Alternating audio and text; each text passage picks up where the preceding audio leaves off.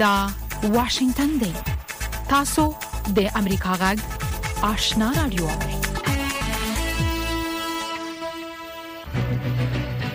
قدرمن اوریدونکو السلام علیکم زه شافیا سردار یم دا د امریکا غږ آشنا رادیو خبرونه پیل شوه لومړی خبرونه واوري السلام علیکم درنو ریدونکو ستړي مشي زه زیبا خادم یم د امریکا غږ آشنا رادیو خبرونه ده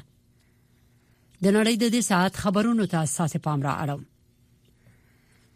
د افغانستان د ژغورنې لپاره د ملي مقاومت شورا چې د طالبانو د حکومت یو شمیر سیاسي مخالف مشران پکې دي وایي یو مشروع حکومت په اساسي قانون کې بدلون راوستل شي او اوس دغه یو حکومت په افغانستان کې نشته طالبانو په افغانستان کې د نوي اساسي قانون په ترتیبولو کار پیل کړی دی او دغه شورا د هیواد په اساسي قانون کې بدلون د طالبانو او دغه شورا د هیواد په اساسي قانون کې بدلون د طالبانو د حکومت د صلاحیت نه بهر ګڼل دی د افغانستان د ژغورنې لپاره د ملي مقاومت شورا د سپټمبر په 22مه په اعلامیه کې ویلي دي چې اساسي قانون د هر هیواد ملي وثیقه او ملي امانت دی چې د هیواد د وګړو حقوق پکې خوندي کیږي د دې شورا په باور په اساسي قانون کې هر ډول بدلون یو مشروع نظام ته اړتیا لري چې اوس په افغانستان کې دغه نظام نشته د خوړو نړیوال پروګرام وایي افغانستان په هغو لسو هیوادونو کې دی چې 19.9 میلیونه خلک د خوړو د کموالي سره مخ دي او د یو میلیون زیات خلک د سخت لوګي سره مخ دي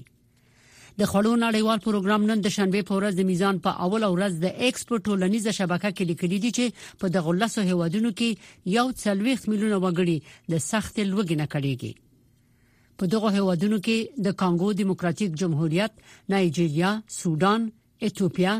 افغانستان، یمن، بنگلاديش، پاکستان، جنوبي سودان او سومالیا دي. د خړو د نړیوال پروګرام د 2023م کال د اگست د میاشتې د ارزیابۍ لمخې په افغانستان کې 19.9 میلیونه وګړي د خړو د کموالي سره مخ دي. په ملګرو ملتونو کې د افغانستان دایمي استازي ویلي دي چې د بشري حقوقو نه د طالبانو د سرغړونو څارنه باید ادامه ومومي په نیویارک کې پرون د جنسيتي اپارتاید سره د مبارزې په نوم غونډه کې نصیر احمد فائق دا هم ویل چې د افغانستان د خزو او ماشومان سره بشري مرستې باید بند نشي په دې غونډه کې د افغانستان د بشري حقوقو په برخه کې د ملګرو ملتونو خاص استاذي ریچارډ بنت د یو شمېر هیوادونو سفیرانو او د بشري حقوقو یو شمېر مبارزانو برخه اخیسته و د اروپאי ټولنې د بهراني تګلارې مشر په نیویارک کې د پاکستان د بهراني چارو د سرپرست وزیر عباس جیلانی سره د یو شمیر نورو موضوعاتو ترڅنګ د افغانستان په حق له هم خبرې کړې دي د ایران د بشري حقوقو د سار ډله چې په ناروې کې د وایي ایرانی قواو د مظاهرچیانو د ځپلو لپاره پروسه کال په لوی لاس د مظاهرچیانو په مخ او سترګو بریونه کړی دی په ایران کې د 22 کلنې مهسا امینی د مړینې نه وروسته اعتراضونه پیل شول د ایران د بشري حقوقو د سار د ډلې په راپورټ کې چې پرون خبر شوه راغلي دي چې د یو سل اته دیش اعتراض کوونکو په سترګو کې د ټپونو نخې ثبت شوې دي د افغانستان سیمه او نړۍ خبرونه د امریکا غږنه اوري د متحده ایالاتو د بارنیو چارو وزیر انټونی بلینکن د سپټمبر په 22مه وویل د هند حکومت نه تمه لري چې په کاناډا کې د سکانو د یو مشر د وژل کېدو په پلټنو کې همکاري وکړي کاناډا ویلي دي امکان لري په دې قتل کې د هند حکومت د اجنټانو لاس وي خاغلی بلینکن خبري کانفرنس ته ویل د هغو ادعاو په حق له جدي اندېښنه لري چې د کاناډا صدر اعظم جستن ترودو څرګند کړی دی هغه زیاته کړې ده چې دا به د هند لپاره مهمه وي چې په دغو پلټنو کې د کاناډا سره په ګډه کار وکړي د ارمنستان پولیسو ویلي دي چې سلور اتیا تنه په توقيف کې په دې خاطر چولې دي چې د پولیسو امر نه دی منلی په نیول شو کسانو کې د ارمنستان د پخوانی جمهور رئیس رابرت کوچارین زوی لیوان کوچارین هم شامل دی د ارمنستان د اپوزيسیون مشرانو خپل پلویانو باندې غږ کړی و چې د قدرت نه د صدر اعظم نیکول پاشینیان د لری کېدو لپاره مظاهره وکړي د اوکرين پوز د سپټمبر په 22مه ویلي دي چې په کریمیا کې د روسیې د بحري قواو د قطې په مرکز د توغندیو برید دوی کړی دی په دغه برید کې چې لکتر لګه د روسي یو عسكر ورک دی د بحري قواو په اډې کې ستر ور لګیدل دی د کریمیا د تر ټولو ستر ښار سواسپول والی چې روسي ټاکل دی مطبوعاتو ته ویل دي چې د دښمن توغندي د بحري قواو په قطعه لګیدل دي خو د ورانیو او مرګجوب په حق لای سندي ویلي او د امریکا د متحده ایالاتو د سنا د مجلس یو لوړ رتبه غړی باب منندز او میرمنې د سپټمبر په 22مه په دې تورن شوې دي چې نقد پیسې د سرو زرو سکه او قیمتي موټرې د رشوت په توګه اخیستې دي او خاغلی منندز چې د سنا په مجلس کې د بارانیو اړیکو د جرګګۍ مشر دی دا تور هم لګیدل دی چې د خپل واک نه د مصر د مستبد حکومت سره د مرستې لپاره استفاده کړې ده څارنوالانو ویلي دي چې د دغه سناتور په کور کې د سل زرو ډالرو په ارزښت د سرو زرو سکې او څلور لک او اتیا زره ډالر نقد موندل شوې دي او د امریکا د متحده ایالاتو د سنا د مجلس یو لوړ رتبه غړی باب منندز او میرمنې د سپټمبر په 22مه په دې تورن شوې دي چې نقد پیسې د سرو زرو سکه او قیمتي موټرې د رشوت په توګه اخیستې دي په خاغلی منندز چې د سنا په مجلس کې د بارانیو اړیکو د جرګګۍ مشر دی دا تور هم دی چې د خپل واک نه د مصر د مستبد حکومت سره د مرستې لپاره استفاده کړې ده سارنوالانو ویل دي چې د دې سناتور په کور کې د 300 ډالرو په ارزښت د سرو زرو سکه او سلور لکه 80 زره ډالر نقد مندل شوی دی زیبا خادم امریکا غږ واشنگتن خبرونه مو د امریکا جغ آشنا رادیو څخه واوریدل درنوریدونکو زموږ په دې خبرونه کې د افغانستان سیمه او نړۍ د اوسنیو حالاتو په اړه کې مهم مطالب لرو هله د خبرونه تر پای واوري لومړی به دا رپورت واوري چې په قطر کې د طالبانو د سیاسي دفتر رئیس سهیل شاهین وایي چې په دوحه کې د طالبانو د حکومت یو هیئت د امریکایي او برتانیوي چارواکو سره په افغانستان کې د کوکنارو د بدیل معاشيت اړوند مسلو خبرې کړې دي ښاغلی شاهین وایي د بهرنوي هیوادونو تخنیکی هیئت کولای شي په افغانستان کې له هغو سیمو کتنه وکړي چې بزګرانو پکې د کوکنارو کښته شا اړولې ده نور تفصيل زموږ د خبريال اکرام شنواری په رپورت کې واوري د طالبانو د حکومت چارواکي وایي چې دغه حکومت یو پلاوی د تیرې سې شنبه په ورځ د قطر پایتخت دوحه کې د امریکا د متحده ایالاتو د ډیپلوماټانو په ګډون د زړو لویدیزو هیوادو د ډیپلوماټانو سره په افغانستان کې د نشي توکو د کښت د مخنیوي او بزګرانو ته د بدیل معیشت د برابرولو په لارو چارو خبرې کړي قطر کې طالبان سیاسي دفتر مشر سویل شاهین د افغانستان ملي تلویزیون ته چې د طالبان لخوا اداره کیږي ویلي چې دغه پلاوی په دې کتنو کې بزګرانو لپاره د کوکنارو د بدیل کښ د چمتو کولو په برخه کې د نړیوال ټولنې د همکارۍ غوښتنه کړې ده په دې کتنه کې د اسلامي امارت هیئت هغه لاستراوړنې او پرمختګونه په ګوته کړل چې د کوکنارو د کښت او د مخدره موادو د مخنیوي په برخه کې ترلاسه شوې دي هیئت په ټینګار سره یاده کړه چې د هغو سیمو د بزګرانو لپاره چې کوکنار یې نه دي کرلي او یا یې کوکنار له منځه وړل شوي دي د بدیل معیشت لپاره پروژې پیل شي همداشان په دې غونډو کې د کوکنارو د کښت او د روغ د کسانو د درملنې په ګډون د نشي توکو سره د مبارزې په برخه کې د طالبانو د حکومت د لاس راوړلو په اړه هم د غونډو ګډون کوونکو ته معلومات ورکړل شوي د چهارشنبې په ورځ په دوحه کې د افغانستان لپاره د امریکا د سفارت شارژ دافیري میرمن کرین ډیکر هم ویلي و چې د طالبانو د حکومت د یو تخنیکي پلاوي سره په افغانستان کې د نشه یي توکو سره د مبارزې په برخه کې په ګډو اندېښنو او افغانانو ته د ملاتړ د برابرولو په لارو چارو خبرې کړي میرمن ډیکر لیکلي چې دا چې نړیوال ټولنه څنګه مرسته کولای شي او د نشه یي توکو سره د مبارزې په برخه کې د خځو غونډه څومره مهمه ده د افغانستان دننه او بهر د افغان کارپوهانو ډېری ارزښتناکې سپارښتنې اورېدلې دي. طالبانو د حکومت د معلوماتو له مخې د کورنۍ چارو وزارت د نشه يي توکو سره د مبارزې د معینیت څخه مولوي جانان عزیزي او عبدالرحمن قاسمي او د بهرنیو چارو وزارت څخه میرویس قادري په دې کتنو کې برخه لرله. په قطر کې طالبانو سیاسي دفتر مشر سهیل شهید وایي چې دغه پلاوي بهرنیو دیپلوماتانو سره په کتنه کې د هغو سیمو څخه چې پکې نشه يي توکي له منځه وړل شوي د بهرنیو پلاوو سفر ته هم چمتووالی ښودلی دی. موږ اماده یو نړیوال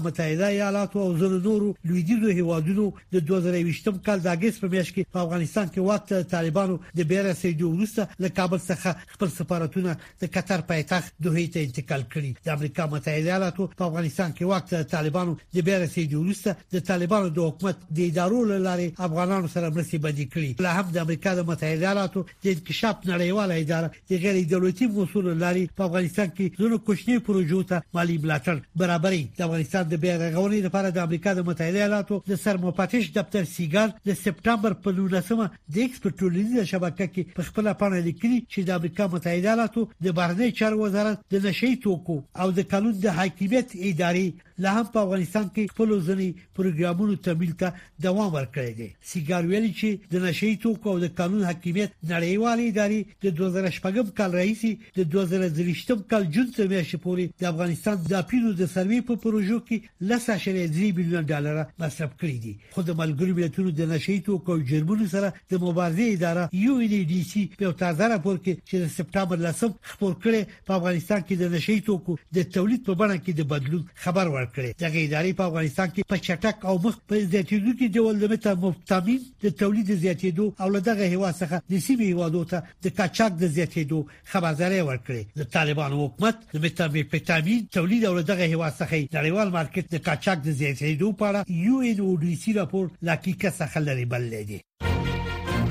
انتظار پای ته ورسید ترنو لیدونکو او اوریدونکو تاسو کولی شئ د امریکا غټ ټلویزیونی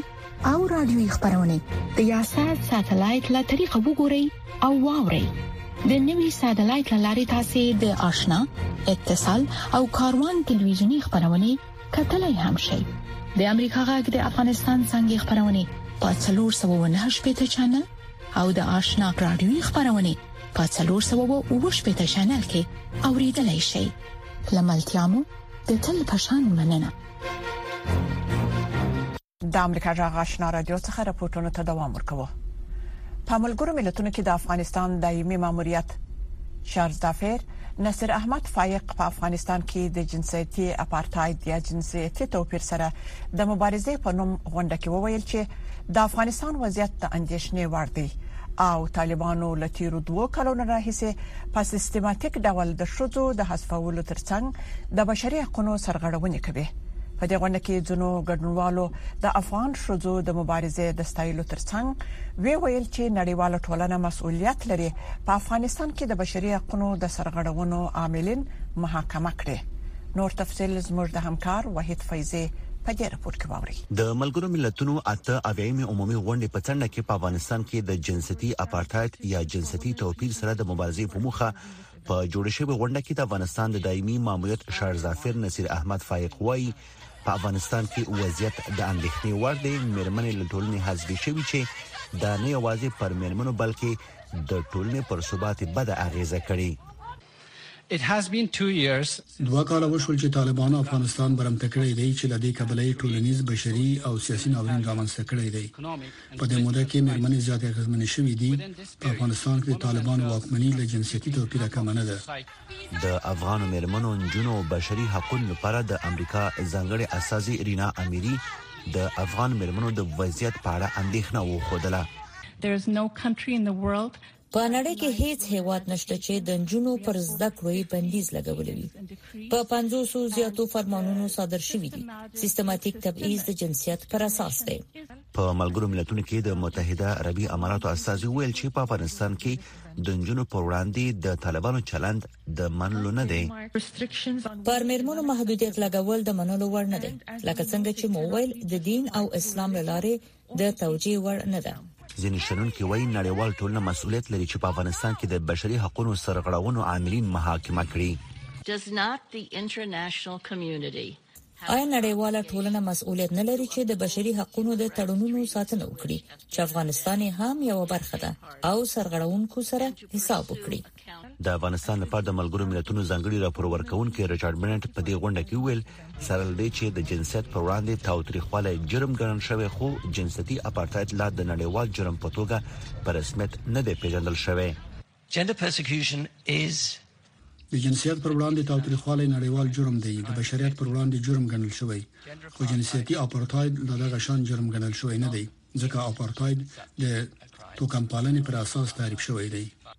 په ورته ورځ د پاکستان د لړمحالي حکومت سرپرست صدر اعظم انور الحق کاکړ د ملګرو ملتونو عمومي غونډه ته ویل چې د پاکستان لومړیتوب افغانستان کې د نن او بهر د ترهګرۍ مخنیوي دی Pakistan's first priority is to prevent encounter تر هر څه مخکې د پاکستان لومړیتوب په افغانستان کې د نن او بهر د ټولو ترهګرو مخنیوي او پر وړاندې مبارزه ده پاکستان د پولې ای خوا د تحریک طالبان پاکستان داعش او نورو ډلو چې په افغانستان کې فعالیت کوي غندي دا په داسې حق ده چې پاکستاني ډیپلوماټیکي سرچینې امریکا غږ ته ویلي چې د طالبان حکومت د بهرنی چارو سرپرست امیر خان متقی په کابل کې افغانستان لپاره د پاکستان ځنګړي اساسي آصف درانی په مرشي پلاوی ته له افغانستان څخه پاکستان ته د تروریستي ډلو د ورپېښو غاخونو د مخنیوي لپاره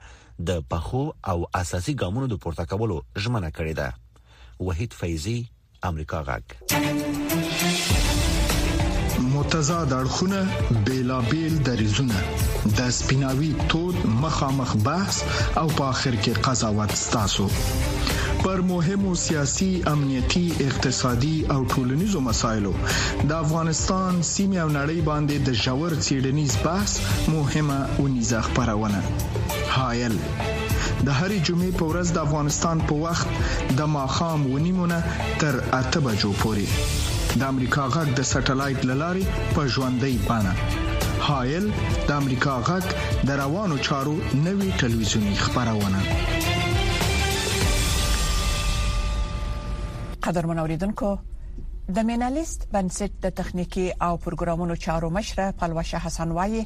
چې طالبان د جنونو د زده کړو پیلولو لپاره سیاسي اراده نه لري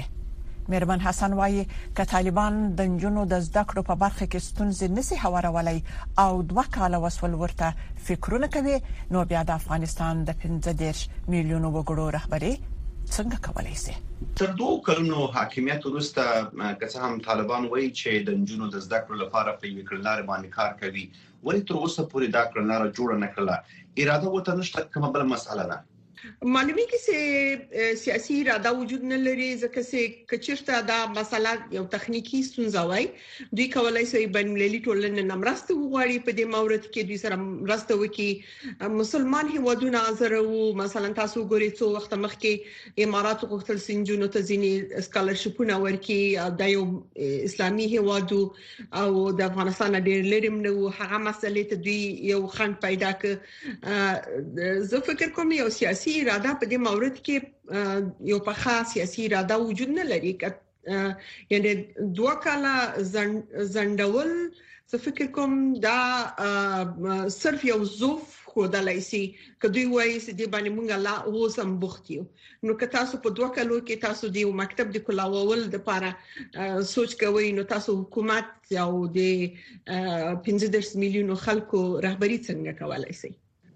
د میرمنو د حقوقو په برخه کې لوی اندېښنه څه ده د میرمنو په مورید کې زه فکر کوم د ټول نه لوی خبرم د دې خوانزویو د پانتونونو ته دوباره تک د ځکه سي کچرته خزه حق د تعلیم ولري هغه نور سیاسي اجتماعي حقونه مو سره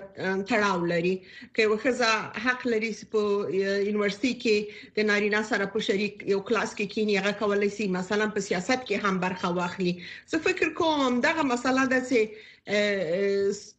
صرف یو او بل دا غواړم چې وایم چې د خزو ګډون په تعلیم کې یا په ټولنه کې دا صرف د خزو مسله نه ده دا یو د افغانستان مسله ده افغانستان ته ټول وروسته پاتې ملک ده د بشري لحاظ نه مونږه یو سخت ستونزې سره مخامخ یو تقریبا لسلو نه یو څه فیصد کم خلک دي لوږې او د فقر سره مخامخ دي په دې کې چې تاسو یو 50% د نفوس ته حصہ ورنکي هغه د دې ټول ملک ته نقصان نو زه فکر کوم چې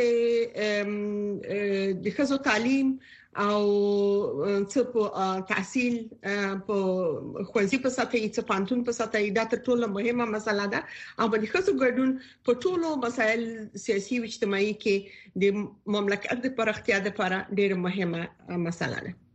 د ستونزو یادونه تاسو وکړه د تاسو په واشنگټن ډي سي کې او نورو ځایونو کې د امریکایي چارواکو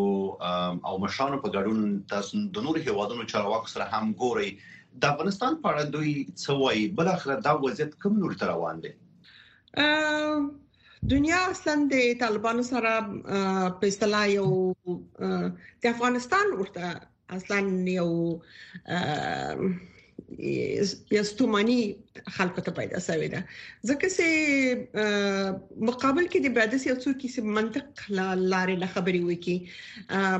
دنیا ډېر کوششونه وکړي چې اسلامي ممالک مثلا راسي کې چې دا اسلامي یا شرعي مسله ای او افغانستان هغه سره ستونزه لري نو کولای شي نور مسلمان مملکتو سره وګوري تاسو څو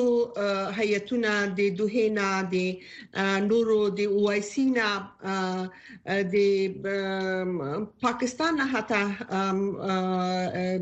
او د علماو ډول راغلي افغانستان کې خبرې کی اما چیرته چې یو شرعي مسله ته منطق وجود نه لري مقابل کې یو بالکل لار بندوي خلک اصلا یو حالت دی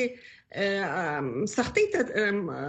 مخامخ دي کچې د افغانستان خزینه وای شاید دنیا به بالکل خپل توجه د افغانستان نه اړولې و اما دوی د ما ورکی ځکه چې د افغانستان خزه متواتر مبارزه خپل کوي غواړي چې دنیا افغانستان ته متوجي اوسيږي کچرته ګوري په دنیا کې فقر هم زیاته مشکلات هم زیاتې ستونزې زیاتې دي ټول دنیا د لپاره افغانستان اولیت نه لري اما اوس وګورئ چې په افغانستان کې تر اوسه د موږ افغاني په خپل حالت کې دا کداغه میاستنې مرستې افغانستان سره ونسي که دغه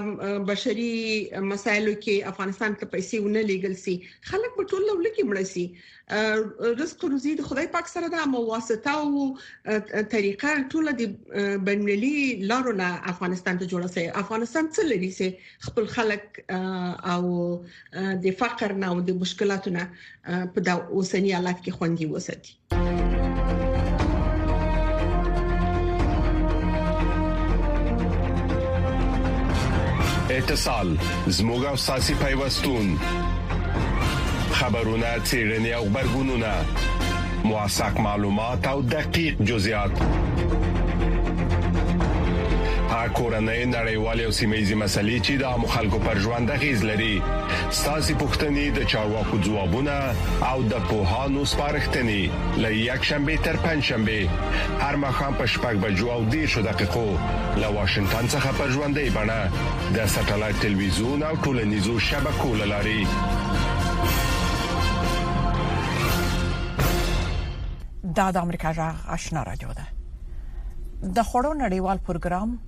WFP، په افغانستان کې راتلونکي ژمی ځپونکی ګڼي او زیاتوي چې د افغانانو د لاسنیوي لپاره یو میلیارډ ډالر ته اړتیا لري. طالبان د نړیوالو مرستې اړینې بولي، خو ځینې شنونکي د نړیوالو ادارو د کارکونکو لوړ معاشونه او امتیازات نا انصافي بولي. نور حال د شمس آرین پر رپورت کې واوري. په افغانستان کې د کورنیو بې ځایه شویو وګړو د بې روزګارۍ د ډیروالي او رواني لوږې په اړه په خپله اعلامیه کې د خوړو نړیوال پروګرام یا ډبلیو ایف پي یو ځل بیا په افغانستان کې د بشري ناورین د پېښېدو د مخنیوي لپاره له نړیوالې ټولنې څخه د یو میلیارد ډالرو غوښتنه کړې ده. دغې ادارې را روان ژمی هم د افغانانو لپاره سخت ګڼلی دی د طالبانو د حکومت مرستیال ویاند بلال کریمي د نړیوالو ادارو مرستې اړینې ګڼي.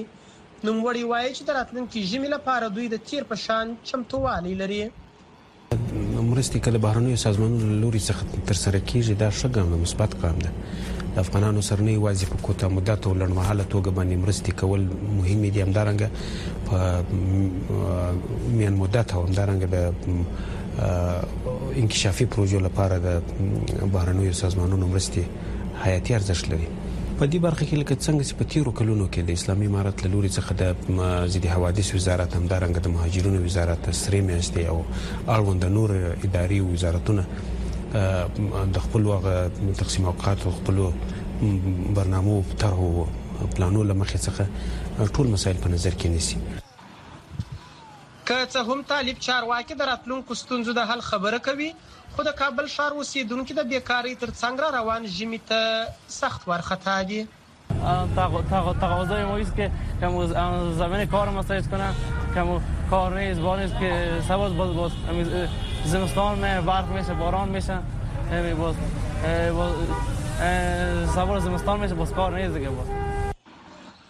خو بل لور ته بیا د سیاسي چارو شنونکي وايي چې د نړیوالو ادارو د مرستو زیاته برخه د یادو ادارو د کارکوونکو په لوړو معاشونو او تسهیلاتو مصرفیږي.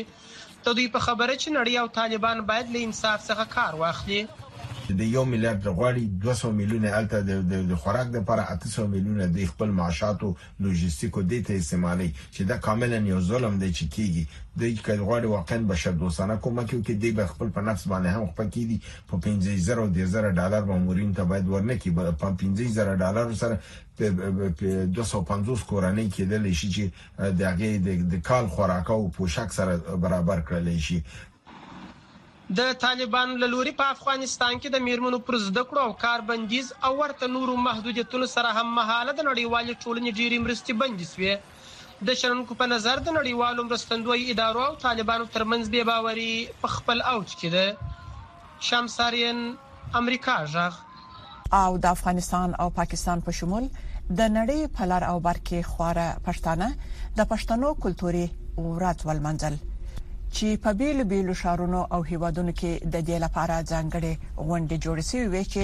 په افغانستان کې د طالبانو تر واکمنۍ وروسته په دغه ډول غونډو موسیقي او اتڼونو بندیز دی او د طالبانو حکومت دا هرڅه غیر اسلامي بولي نور تفصيل زموږ د همکار خدای نور ناصر پر رپورټ واوري. د پېښور په یوه ځايي پوهنتون کې د کلتور ورځې غونډه دلته دوی د دې لپاره راغونډ شوي چې د دوی په خبره د پښتنو د کلتور ورځ ولمانځي نه یوازې دلته بلکې د نړۍ په لر او بر کې چیرې چې هم پښتانه اوسي نن همدا ورځ لمانځي. مونږ کلچر ډیر ځکه مناو چې مونږ سره د دې هر یو کلچر چې کم دی اهمیت پکار دی او هغه پروموټ کول پکار دی چې هغه زموږ زړونو کې جمدی وي ټول عمر. زه به نن افغان کلچر ریپرزینټ کوم موږ پښتانه یو او چې کوم زمونږ کوم کلچر امپیریالیزم کیږي او ویسټرن کلچر په موږ باندې راځي او هغه زمونږ د کلچر څنګه خوري نو د هغه ته موږ جواب ورکول غواړو یا هغه هغه موږ صرف خپل کلچر بچکول لپاره موږ خپل کلچر ډریسز اچو او دا غي پترو باندې موږ خپل کلچر پروموټ کول غواړو پښتانه نن د کلتور ورځ په داسې حال کې لمانځي چې په افغانستان کې طالبان واکمن دي او هلته د پښتانه کلتور په ډیرو برخو بندیز لګول شوی دی ځینې د دغه بندیز اغیز یوازې تر افغانستان پورې محدود نه یادوي موږ وینو چې مطلب په دو نوي کې چې هم کوم وخت طالبانو حکومتونه راغله او بیا دا اوس حکومتونه راغله دلته چې کوم کلتوري منابع وي پر هغه باندې نه صرف دا چې بندیزونه ولګېدل بلکې موږ ولیدل چې مطلب په عمومي ژوند کې دننه چې د خوشي د هغه کوم شي ته چې موږ ایکسپریشن یې انداغه او د کلتور سره تړلې سکم دغه دودونو پر هغو باندې نه صرف داسې بندیزونه ولګېده بلکې خلکو هغه یو رنګ د ژوند ځخه و کناره تکړه د یاد لیکوال په خبره د طالب واکمنۍ دویم لوی تاوان دا دی چې وایې دوی ځان د پښتنو د کلتور استازي بولي و کلتور ته او په خصوصیت سره و پښتانه کلتور ته دوه نقصان رسي یو دا چې د دوی له لاسه رسي دویم دا چې دنیا ته دوی دا ښکاره کوي چې دوی د پښتانه کلتور نمایندګان دي د خپل هیئت کړه وړه لباس له لحاظه هم او کچرته دوی بندیزونه لګوي که د کرښې هغې خوا ته وي که دې خوا ته وي هغه هم د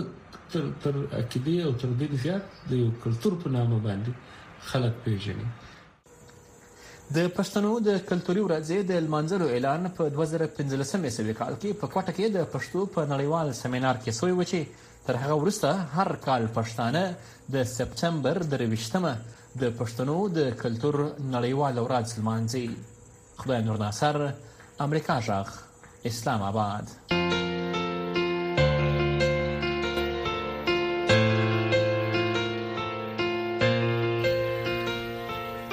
درنوریدونکو زموږ د خبرونه په همدې ځای پای ته ورسیده د امریکا جغ آشنا را دوه خبرونه دوام لري